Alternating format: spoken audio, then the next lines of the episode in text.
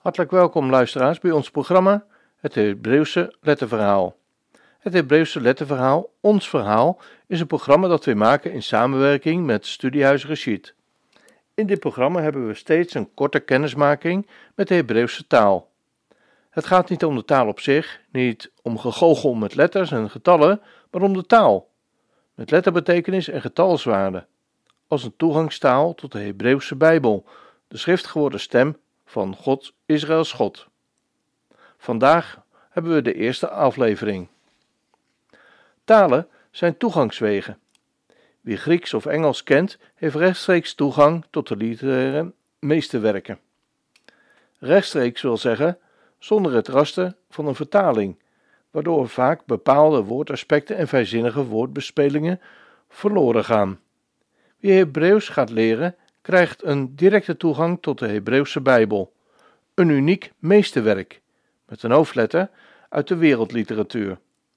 De Hebreeuwse Bijbel is meer dan een literaire geschrift. Dit unieke boek, met een hoofdletter, is zo gezegd de schriftgeworden stem van Israëls God, een werkstuk van de Heilige Geest, een schepping grootser dan de schepping van de wereld.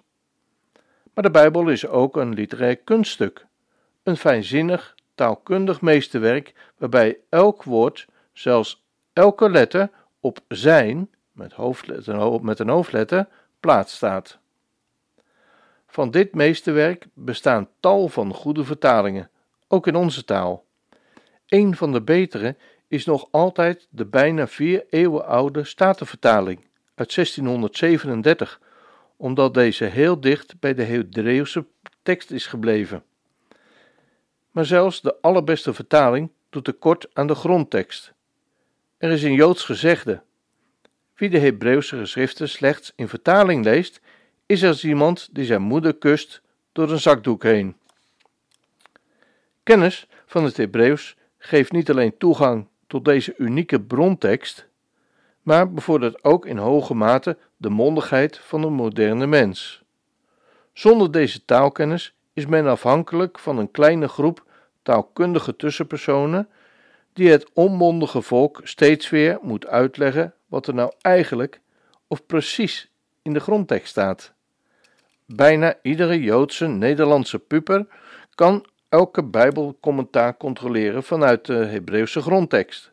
Maar 99% van ons volk staat met de mond vol tanden en laat zich al te gemakkelijk de mond snoeren, zodra een Bijbelgeleerde of een Bijbeluitlegger met een Hebreeuws woord laat vallen.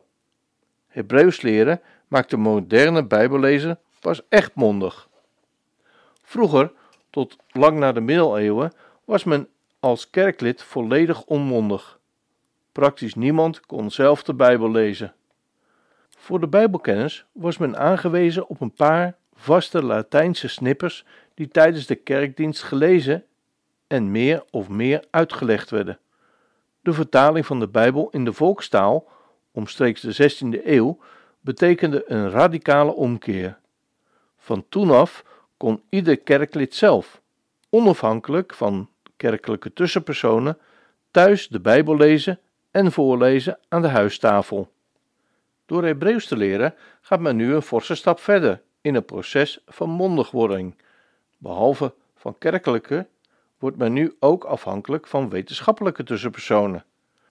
Niet alleen de priesters, maar ook de theologen en de taalgeleerden verliezen hun dominante posities en mogen naar de zijlijn, waar ze diaconaal, begeleidend en stimulerend het volk terzijde kunnen staan.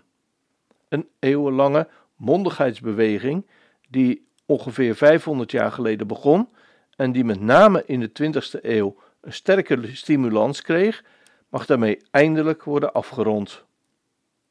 De Engelse Hebraicus Harrison noemde het Hebreeuws, dat op het eerste gezicht nogal moeilijk lijkt, vooral vanwege de vreemde taaltekens, een betrekkelijk ongecompliceerde taal, zo simpel mogelijk.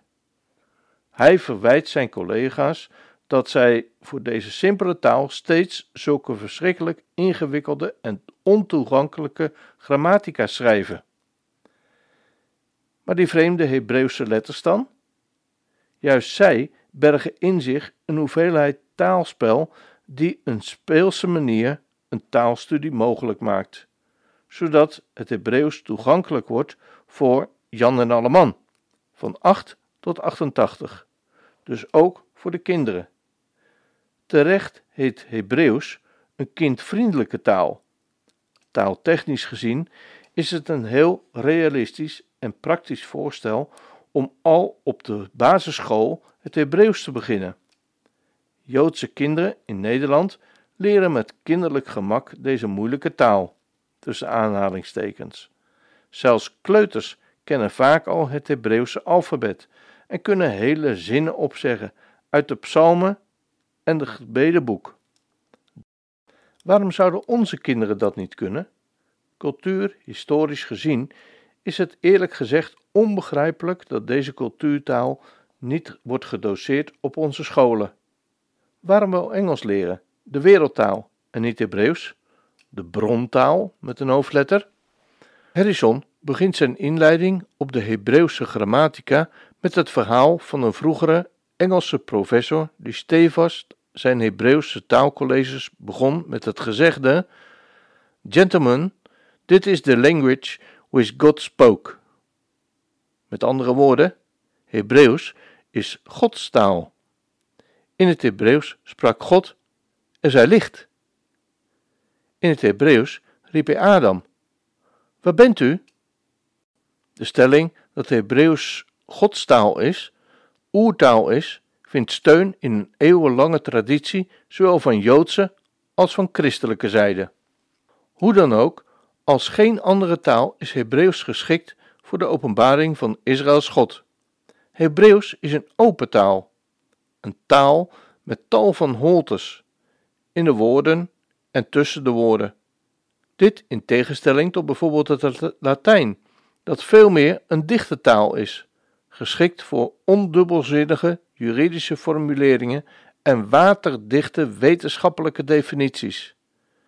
Deze taalopenheid van het Hebreeuws hangt onder andere samen met het feit dat in de oorspronkelijke tekst geen klinkers staan.